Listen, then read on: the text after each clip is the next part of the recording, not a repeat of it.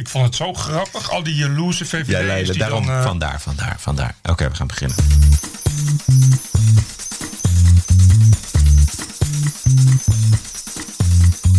This is the TPO podcast. Ranting and Reason. With Bert Brusson and Roderick Phalo. Nog nooit hebben wij het in deze podcast gehad over het Midden-Oosten. En dat wordt daar tijd voor. Dichter bij huis, de nieuwe kloof. Hoe zat is de rest van Nederland de Randstad? Ook met 30.000 euro subsidie kom je niet in Dokkum. En hoe leuk was het partijcongres van het Forum voor Democratie? De zaal van Baudet zat vol. Hier was die half leeg, hè? Wij hebben hier ruim duizend mensen hebben altijd op congressen. Het is een zaal die groter, waar een nog groter eh, aantal had kunnen zitten. Dat klopt. Welkom bij nummer 43. This is the TPO podcast. Zo Bert. Alles goed? Fantastisch. Ik heb hem ook gekeken. Partijencongresdag van, eh, van Thierry Baudet. Ik En? zag eh Paul Cliteur met een vergiet op zijn hoofd. Ja. En ik zag Annabel Nannega die het weer uitstekend deed. En ik zag Thierry Baudet zelf die echt in overdrive ging van wat hij bij het jongerenforum ging qua, qua gezonde taalgebruik. En, En beelden. en, en beeldend gefilosofeerd. Maar ik blijf erbij. Ik vind dat mooi. maar ja, het blijft natuurlijk wel iets waar, waar je of heel erg van houdt of heel erg niet.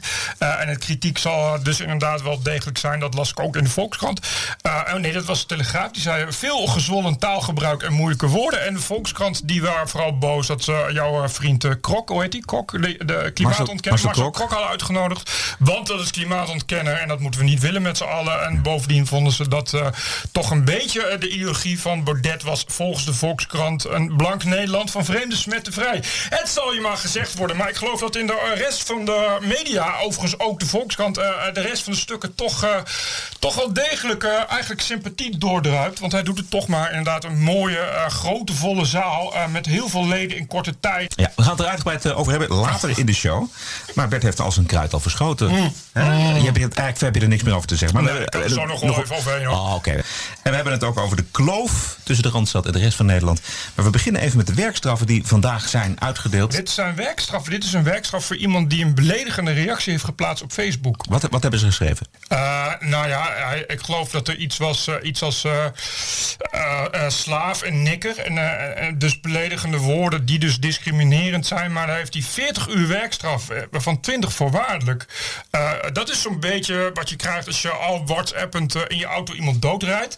Eh, dus dat is al, al krom. Nog veel krommer is eh, dat ze, ik geloof, iets van 50.000 reacties hadden. Of, of 10.000 reacties. Daar hebben ze 50 uitgehaald. Waarvan ze vonden eh, dat die eh, beledigend genoeg waren. Die hebben ze aangebracht bij justitie. En politie en justitie hebben daar gewoon heel veel tijd aan besteed. En daar hebben ze ook, die mensen hebben ze moeten achterhalen. En we weten allemaal dat als, als normale mensen daar aangifte van doen, dan gebeurt er gewoon niks. Ze zeggen van nee, dat gaat dus niet lukken. Ik heb ook wel eens aangifte moeten doen van bedreiging via Facebook. Je, je, je krijgt binnen drie dagen een, eh, een, eh, een berichtje terug met te weinig aanknopingspunten. Maar nu, eh, als het zo is dat je dus ja, ja, mensen beledigt op hun huidskleur, dan is het allemaal geen enkel probleem. En dan gaan politie en justitie Ja. tot het einde. Weet Ja. je, en als, je, als, je, als je ziet wat dagelijks, echt dagelijks, want Wil, Wilders twittert dat nu dagelijks, wat dagelijks aan zijn adres binnenkomt, dat is echt een miljoen keer grover en bedreigender Ja, dan, dan, dan dit soort beledigingen. En hier worden mensen veroordeeld voor beledigingen. Dus 20 uur taakstraf. Waarbij die advocaat ook nog heeft gezegd: goed dat de rechter daar een taakstraf van heeft gemaakt. Want anders krijg je dat ze een boete krijgen. En dat gelijkgestemden die boete bij elkaar verzamelen. Ja, nee, dat, dat, dat begrijp ik. Maar, eh, en we weten nog niet eh, wat justitie doet met de bedreigingen die Wilders nu iedere dag eh, online zet. Voor tijd dat we daar ook weer wat van horen. Maar eventjes nog, want jij, jij vergelijkt steeds met andere zaken, hè, met, met, met mensen die dronken in een auto stappen. Als die zaken nou allemaal evenveel aandacht krijgen en evenveel eh, energie wordt eh, ingestoken door het Openbaar Ministerie, b- is een taakstraf die nu wordt uitgedeeld dan wel terecht? Nee, het is sowieso niet terecht. Dit is wat, maar waarom vergelijk je dan? Nou, om, eh, eh, wa- wat ik vergelijk is, is dat het absurd is dat kennelijk in dit land eh, op Facebook, mind you, op Facebook iets schrijven wat, wat mild kwetsend is. Nou ja, mild kwetsend. Nikker is niet mild kwetsend. Dat is echt. Daar word je voor. Daar word je, op Facebook, maar het, het, staat, het staan een miljarden per dag op Facebook. Zet je Facebook dan uit als je daar niet tegen kan? Weet je, hoezo moet dat binnen de wet vallen? Hoezo moet het strafbaar zijn? Ja, is strafbaar. Ja, maar dat is, dat is dus... Dat is de wet. Ja, ach, kom op, dat is belediging. We hebben eh, jarenlang hebben we nooit iets gehoord. Wat gaan we nu Joep van het Hek en Freek de ook Nee, vervolgen? helemaal. Ja, oké, nou ja, kijk, belediging. Er zijn echt ik ken miljoenen mensen die elke dag op de meest verschrikkelijke manier beledigd worden door weet ik veel wat. Ik kan je eh, miljoenen christenen die zijn eh jarenlang. maar die doen, die doen allemaal geen aangifte. En Nee, maar je weet heus, net als ik, net zo goed als ik, als die aangifte doen dat er niks mee gebeurt, dat dan zeg je ja, vrijheid van meningsuiting. Die vrijheid van meningsuiting die houdt de hele tijd op als het over discriminatie gaat. En dat is het probleem. En als je dus inderdaad iemand doodrijdt, moet je anderhalf jaar wachten en dan kost het je heel veel moeite. Weet je, ik weet dat, ik, ik weet dat van dichtbij, omdat ik eh bevriend ben met advocaten eh, die slachtoffers bijstaan, hoeveel moeite dat kost. Om dat OM in beweging te krijgen. Maar dit is telkens zo. Zo ging het bij Sylvana dus het, ga- het gaat je om de selectiviteit van het OM. natuurlijk gaan we om de selectiviteit. Volgens mij is, is vrouw Justitia iemand met een blinddoek op, maar die heeft al helemaal lang geen blinddoek meer om. Die kijkt gewoon recht en die zegt van, oh ja, als je tot een bepaalde groep hoort, dan gaan we wel alles doen. Waar ik me de afgelopen tijd heel erg over eh, verbaasd heb... en dat komt mede doordat eh, Geert Wilders met die bedreigingen online is gegaan... waarom het zo lang duurt voordat daar mensen voor de rechter worden gesleept. Dat, Nou, dat, begrijp ik, dat begrijp ik werkelijk niet. Nou, there you go. Ja. Eh, Hier niet, hier heeft het helemaal niet lang geduurd. Dat is dus precies het punt. Bij Sylvana Simons werd Sylvana zelf gebeld door het OM. Kun je je voorstellen? Die hoefde niet eens aangifte te doen. Die werd gewoon gebeld door het OM. Zullen we even helpen met aangifte doen? Waren binnen no time waren die mensen opgespoord. Dus het kan wel heel snel. Ja. Maar dan moet je dus wel inderdaad van de juiste huidskleur zijn. Want daar gaat het om. Discriminatie bestrijden. Daarom worden dit soort absurd hoge straffen gegeven. Je gaat niet 20 uur taakstraf of 40 uur taakstraf van 20 uur verantwoor, eh, eh, voorwaardelijk geven aan iemand die een kwetsende comment heeft geplaatst op Facebook. Kom op zeg. Eh, wordt vervolgd. Gaan wij het hebben over de, de kloof en de rest van Nederland? Eh, heb, je, heb, je, ik zie die, heb je Daniel Loos, leest hij hem helemaal voor? De, de Nou, column? ik, eh, zal ik zelf een, een klein stukje voorlezen. Het verschil tussen de Randstad en de regio kwam weer eens ter sprake in verband met de Zwarte Pieten discussie. Wat me zo verbaasd heeft, is dat nog heel veel mensen denken dat dit nog steeds werkelijk over de Zwarte Piet gaat. Is het niet veel groter? Hier heet het de Zwarte Pieten discussie. In Amerika heet het Trump. In Groot-Brittannië heet het Brexit. En ga zo maar door. Het gaat over een kloof. Een kloof tussen mensen en gebieden. Een journaliste van een grote krant uit de regio Amsterdam trok deze week naar Friesland. Sprak daar met wat mensen en schreef vervolgens dat die kloof een fopkloof is. En dat is dus misschien wel precies waar het over gaat. Er is van alles aan de hand en daar wordt in veel landelijke pers en ook in de politiek over gesproken alsof het niet echt is. Dat het geen echte gevoelens zijn. En als ze wel echt zijn, dat ze niet goed zijn, die gevoelens. Die moeten dan gecorrigeerd worden door mensen die wel goed zitten met hun gevoelens omdat die mensen denken dat ze de wereld beter snappen dan de rest. Doordat ze alleen bevestiging vinden in de verstikkende monocultuur van hun grootstedelijke bubbel. Die hebben geen idee wat er zich werkelijk vlak buiten hun eigen wereldje afspeelt. Ze zullen anderen wel even vertellen wat pas echt goed is om te vinden. Die zelf ingenomen manier van denken en doen. Daar is de rest wel een beetje klaar mee. Al dus eh, Daniel Lohuus in het eh, Dagblad van het Noorden. En dit is eh, zijn eigen liedje.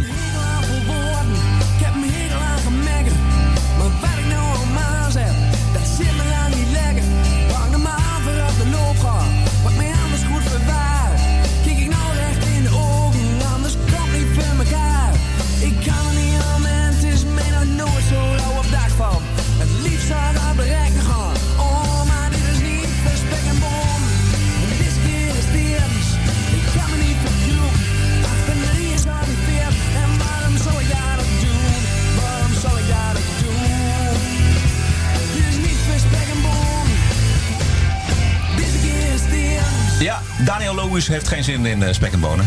En terecht natuurlijk. Gelijk heeft hij. Totaal. Eh, het, het was een hele goede column, eh, denk ik. Eh, want anders was hij niet zo vaak gedeeld op Ik wou net zeggen, Twitter ik, en heb, Facebook. ik krijg hem ook al heel vaak gelinkt.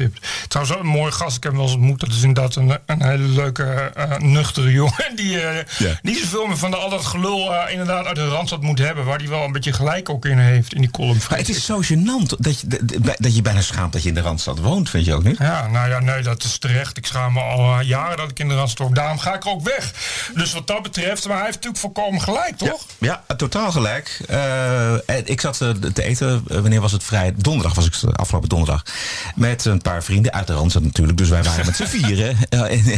En die mensen die waren echt van mening dat de provincie, om het maar zo te zeggen, werkelijk geen idee had hoe het Sinterklaas en Zwarte Pietfeest discriminerend kan zijn in Nederland. En dat, dat, dat, een, dat het altijd bij een kleine groep moet beginnen. En dat op een gegeven moment de rest van Nederland wel volgt.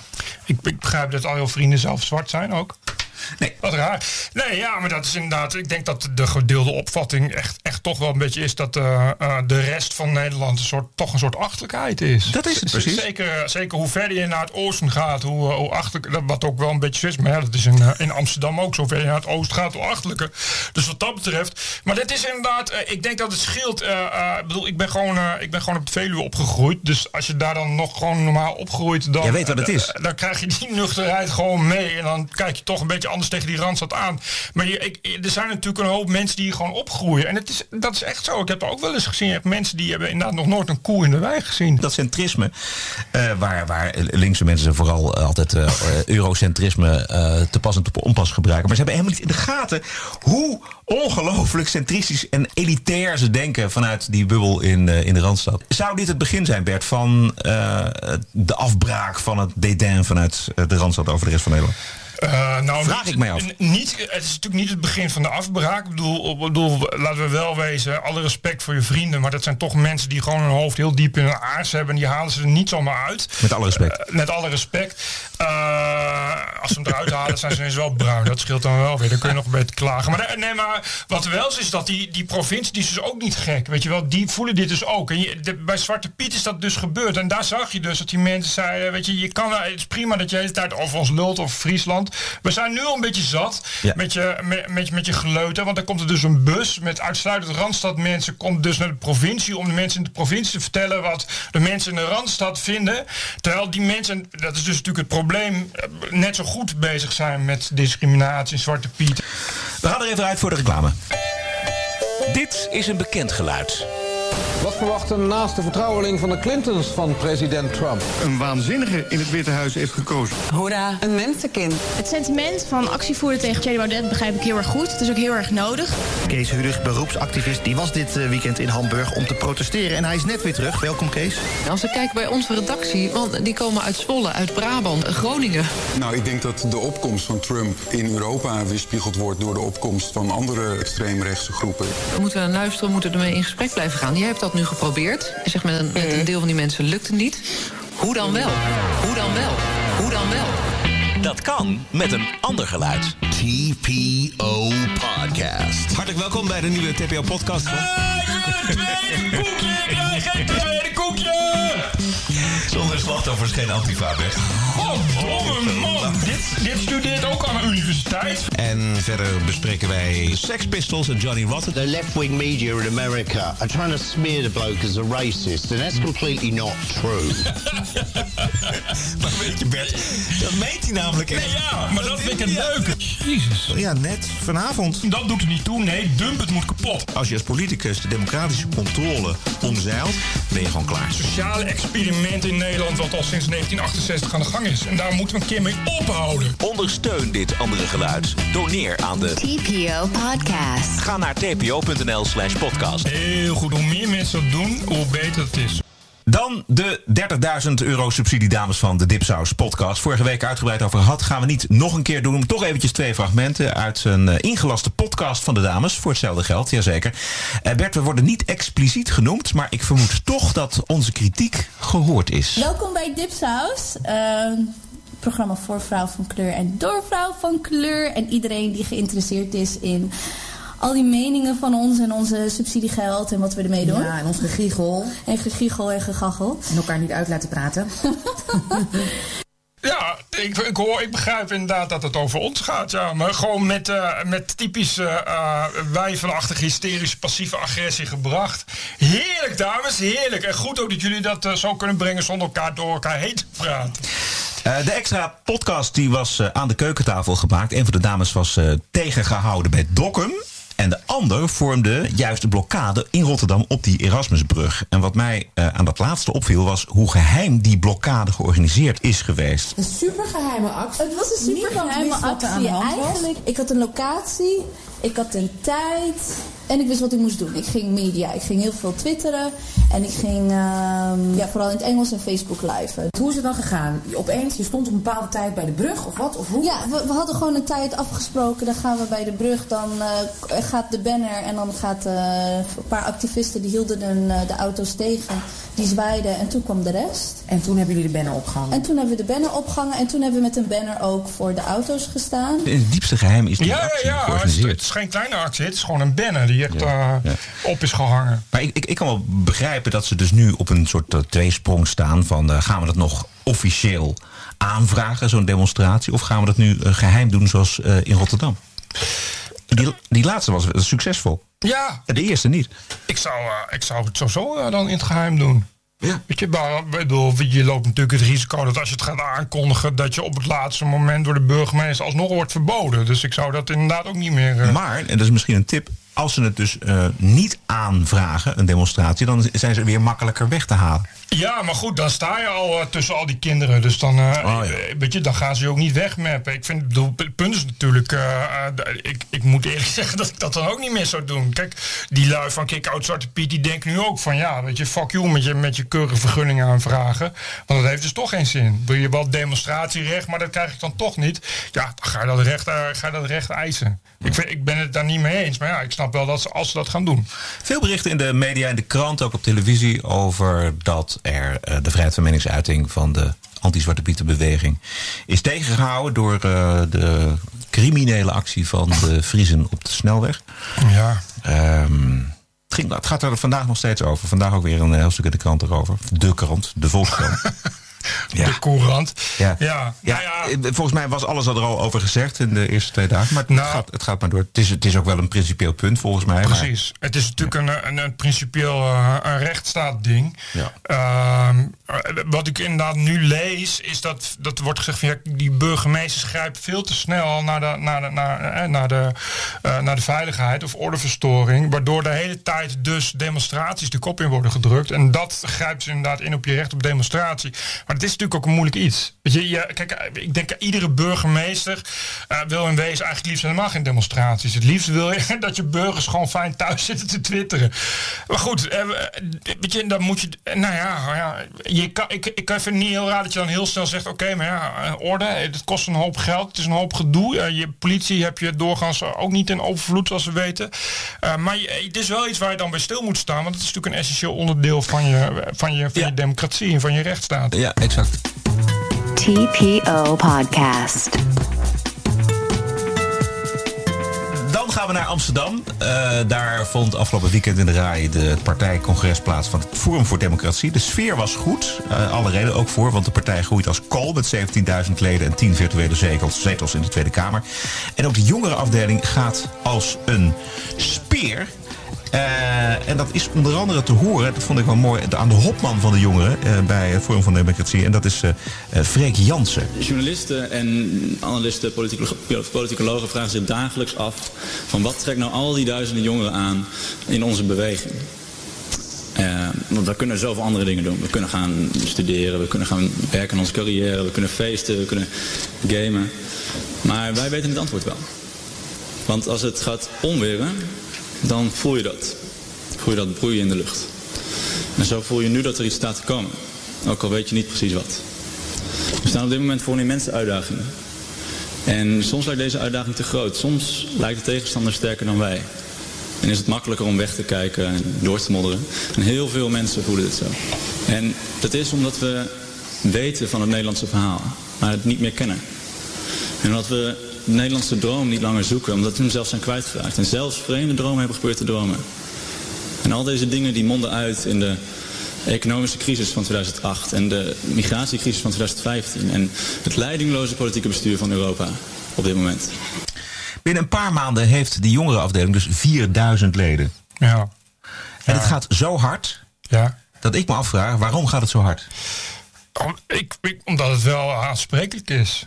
Ik bedoel, ik- Nee, maar het is precies wat hij zegt. Weet je? Jongeren kunnen tegenwoordig. die, die hebben het geen, die hebben geen tijd over, weet je wel. Die, maar die, gaan, die kiezen dus om lid te worden van deze partij naar zo'n partijcongres te komen. Nou ja, omdat bij uitstek eh, die jongere generatie op rechts, als ik dat zo mag zeggen, weet je, in elk geval in- in dat gebied, gedeelte van het electoraat, daar natuurlijk het meest uitgesproken in over zijn. Omdat eh, op links staan er niet zoveel jongeren. Dat is, dat is van, van de babyboomers en van de ouderen. En hier, het gaat natuurlijk nog steeds om een hele kleine groep jongeren. Maar ja, die wel weten van als er nu iemand is, als er iets is waar, waar we inderdaad, en dat doet Thierry die is natuurlijk uitstekend, waar we ons eh, goed bij voelen. En dat is ook wat ik de hele tijd teruglees hè, van het partijdag. Dat je het gevoel hebt dat je bij een familie bent.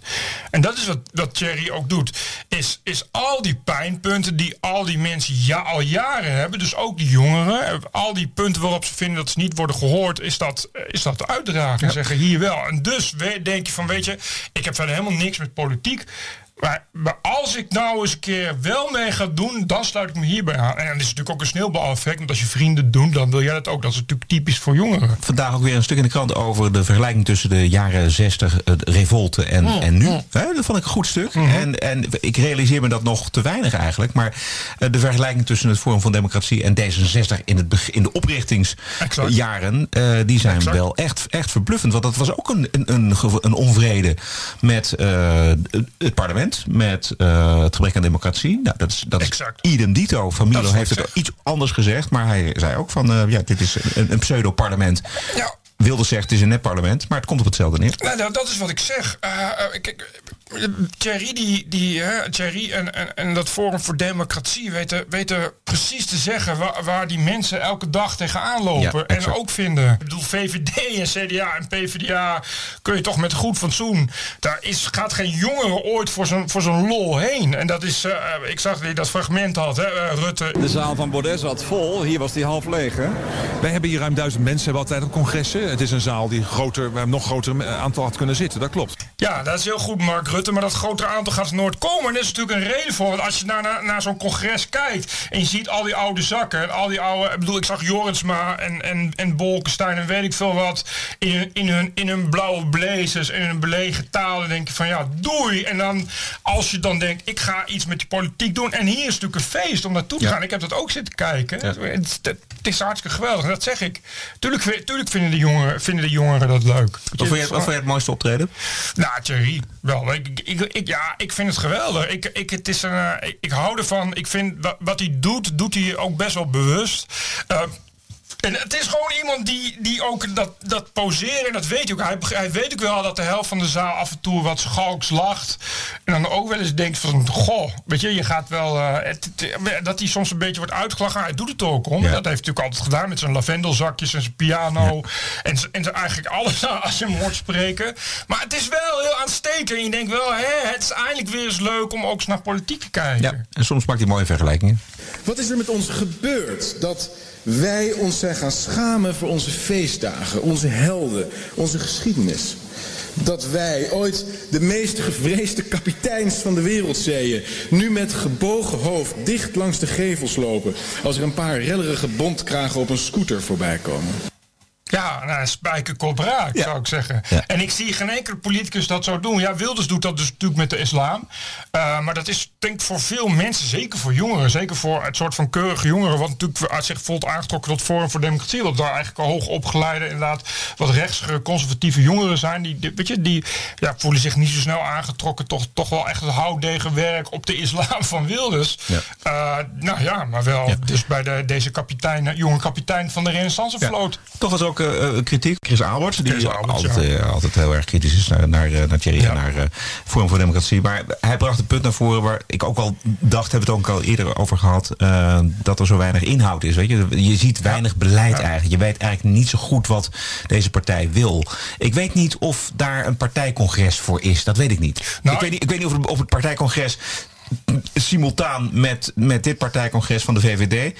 of daar nou meer beleid naar voren is gekomen. Ja, nee, ik, ik, ik, eh, ik, ik hoorde toch ook wel, wel, dat was inderdaad de algemeen gedeelde kritiek van veel mensen, ook dat de leden toch wel erg weinig inspraak hebben. Eh, Maar bij Forum voor Democratie? Ja, eh, en, en punt natuurlijk van een partijcongres is toch wel een beetje dat, hè, dat de leden beslissen. En je ziet inderdaad hier toch wel, uh, ja, dat die leden, uh, uh, ja, die zijn er, maar daar houdt toch wel een beetje op. En, er is niet gestemd over een partijprogramma nee, met kaartjes omhoog precies, voor tegen. Exact, dat is wat je normaal ook ja. echt ziet hè, op een partijcongres. dus het is tot, tot nu toe, en dat is die kritiek deel ik wel nog steeds wel heel veel theater en decorum. ja, ik, ik, ik ben daar niet, weet je, geef ze tijd zou ik zeggen. En dat is natuurlijk ook iets, uh, uh, maar goed, het is natuurlijk ook een vernieuwingspartij, dus die moeten ook hun weg zoeken. Ik denk dat ze weinig trek hebben en ik denk dat de meeste leden dat ook hebben om inderdaad regelmatig met verschillende kleuren kaartjes uh, 300 moties voor of weg te stemmen. Ja, dat, dat maakt een, een partijcongres niet, niet per se spannender nee, en precies. leuker. Maar het moet wel een keer gebeuren. Ja, en, maar dat is natuurlijk een beetje de downside, wat natuurlijk ook wel met D66 is gebeurd. Ja. of de babyboomers, hè, waar het in, in dat Volkskrant-stuk wat je aanhaalde inderdaad over ging. Uh, ja, het is, uh, vernieuwen is leuk, revolutie is leuk en dat is allemaal heel spannend. En dat trekt enorm aan en dat brengt enorm veel creatieve mensen op de been. En het geeft inderdaad het gevoel van één grote familie. Het punt is uiteindelijk een beetje, zeker in het Nederlandse partijenbestel, dat was de kritiek ook van VVD'ers, zag ik gisteren inderdaad nog in, een fragmentje, dat je wel moet gaan samenwerken en compromissen moet gaan sluiten. En dus je moet gaan conformeren naar de geldende regeltjes. Ja, ja. maar ja, dat lijkt me ook reëel, want dat, dat, bedoel, volgens mij is dat de valkuil van de PVV ook. Bedoel, hè, er moet meegeregeerd gaan worden. Je, je kan niet in je eentje uh, gaan regeren. Nee. En dat betekent dus dat Vorm van Democratie ook op een gegeven moment moet ophouden met uh, de VVD weg te zetten als kartelpartij of alleen maar een ruzie te zoeken met Rutte. Ik weet niet, dat, dat, dat werkt. Dat hebben we ook aan de PVV en Wilders gezien. Dat werkt gewoon niet en daarmee krijg je, daar word je gewoon buiten een coalitie gehouden. Ja, ja tegelijkertijd. Ik zeg altijd, kijk naar, kijk naar uh, uh, dit, Leefbaar Rotterdam. He, dat is toch een beetje de proto-vorm voor democratie. Dat is een hele praktische partij. Ja, ja, maar die hebben... En Vorm voor Democratie is nog geen praktische partij. Nee, dus... maar Le Leefbaar Rotterdam is precies zo begonnen. Weet je, dat was precies ook uh, dezelfde kritiek en, en dezelfde, eigenlijk dezelfde slogans. Hè. Ook echt een beweging van, van boze burgers die niet lullen maar poetsen. die kreten, mouwen opstropen, we gaan eindelijk iets doen. Waarop de, de kritische linkerkant en de media eensgezind zeiden, wat gaan jullie dan eigenlijk doen? En iedereen was tegen en het was uh, allemaal extreem rechts en weet ik veel wat. Hè? En dan kwamen ja. de, de eerste voorstellen, dat was dan uh, uh, verplicht abortus voor, voor zwakzinnige vrouwen, noem maar op, waar dan heel de wereld als moeder schande voor sprak.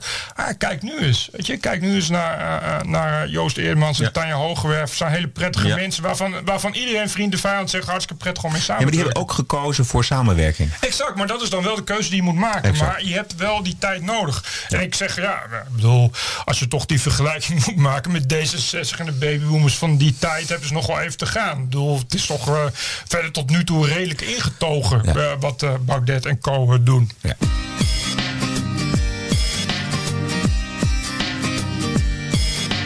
TPO Podcast. Alain Torgetoglu doet voor de Post Online onderzoek naar migratie en conflict in het Midden-Oosten. Alain, uh, goedenavond. Ja, goedenavond. De kroonprins van Saudi-Arabië, Mohammed bin Salman. Heel interessante man is dat. Wat is die van plan met het Midden-Oosten? Ik denk dat er een hele, een hele hoop dingen die gaan nu anders gebeuren. En dat is allemaal begonnen met het bezoek van uh, Trump en, uh, en Bannon ook, afgelopen mei.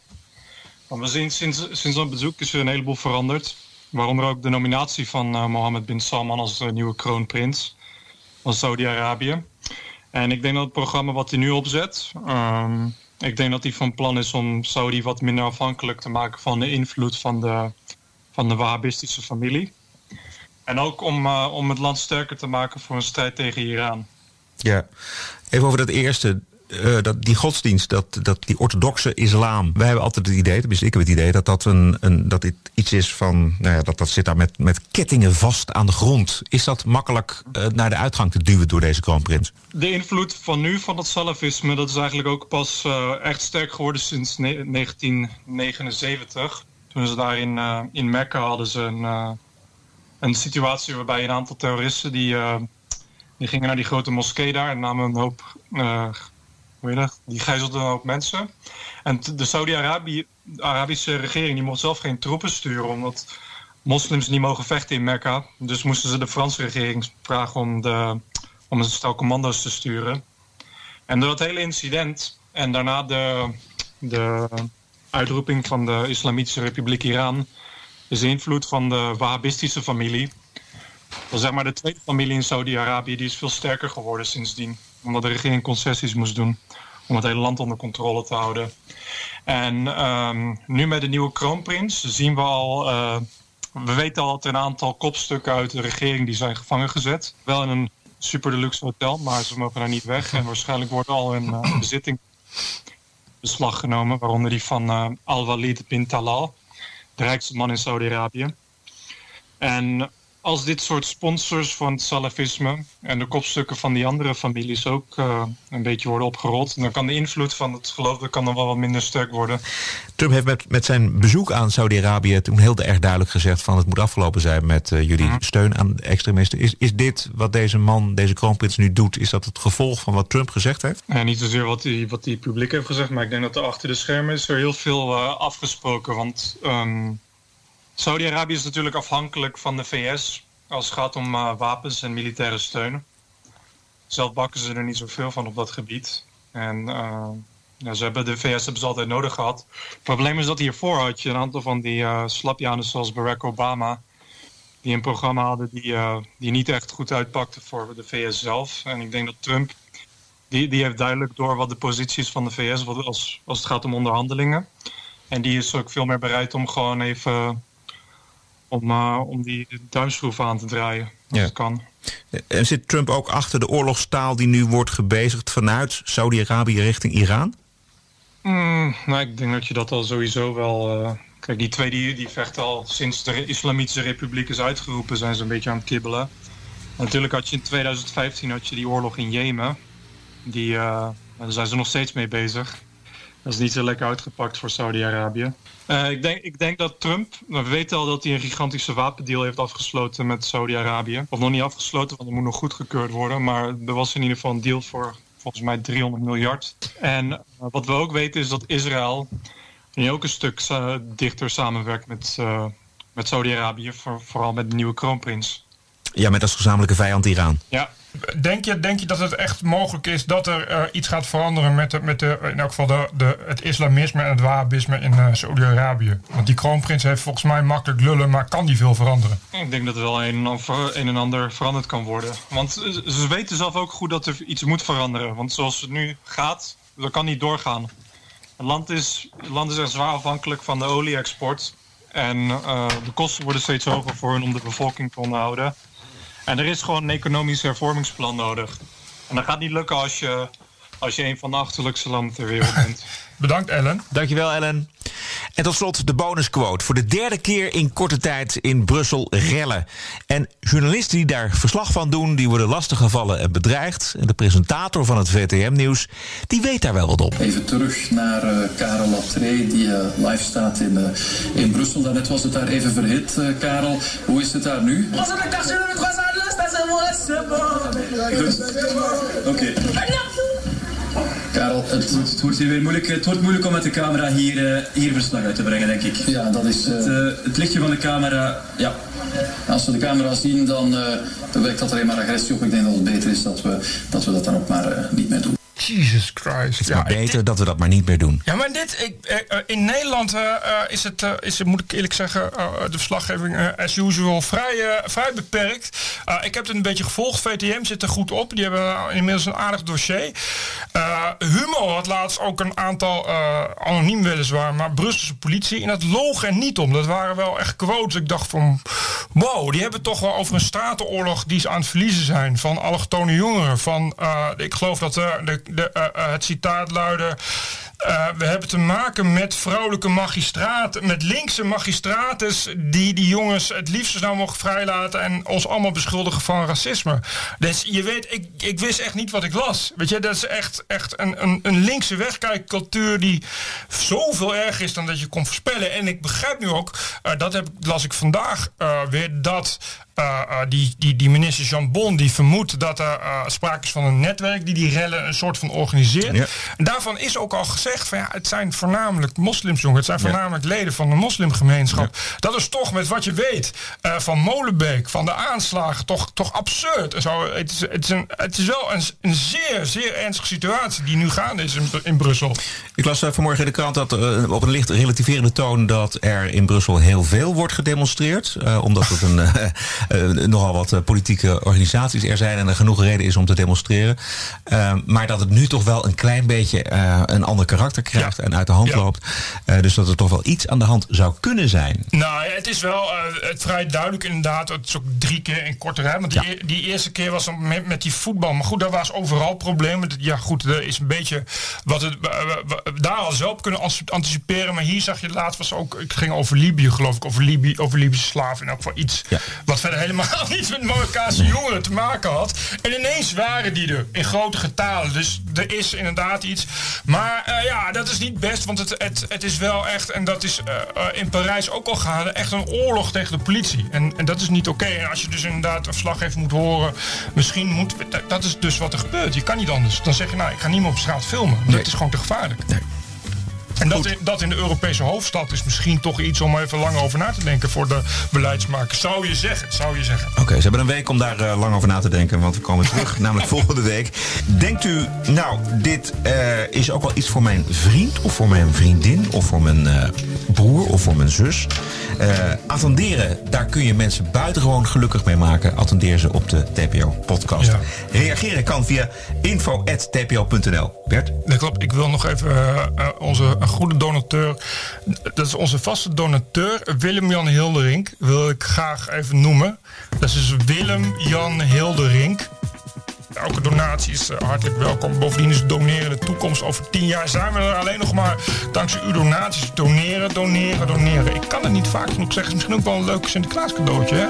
Aan eh, Roderick en Bet. Zeg van wat zou de Roderick en Bet in een schoen willen? Dan zou ik zeggen doneer. Doneer gewoon geld. Ja, dat is een tip envelopje, zeg ik. Ja, en dat komt hartstikke goed uit, want volgende week eh, dinsdag zijn we er weer en dan is het 5 december. En dan zullen Bert en ik nog één keer uitleggen waarom Zwarte Piet geen racisme is. Jij gaat het uitleggen. Heb een mooie week en tot de volgende. TPO Podcast. Bert Bruson, Roderick Balo, Ranting and Reason.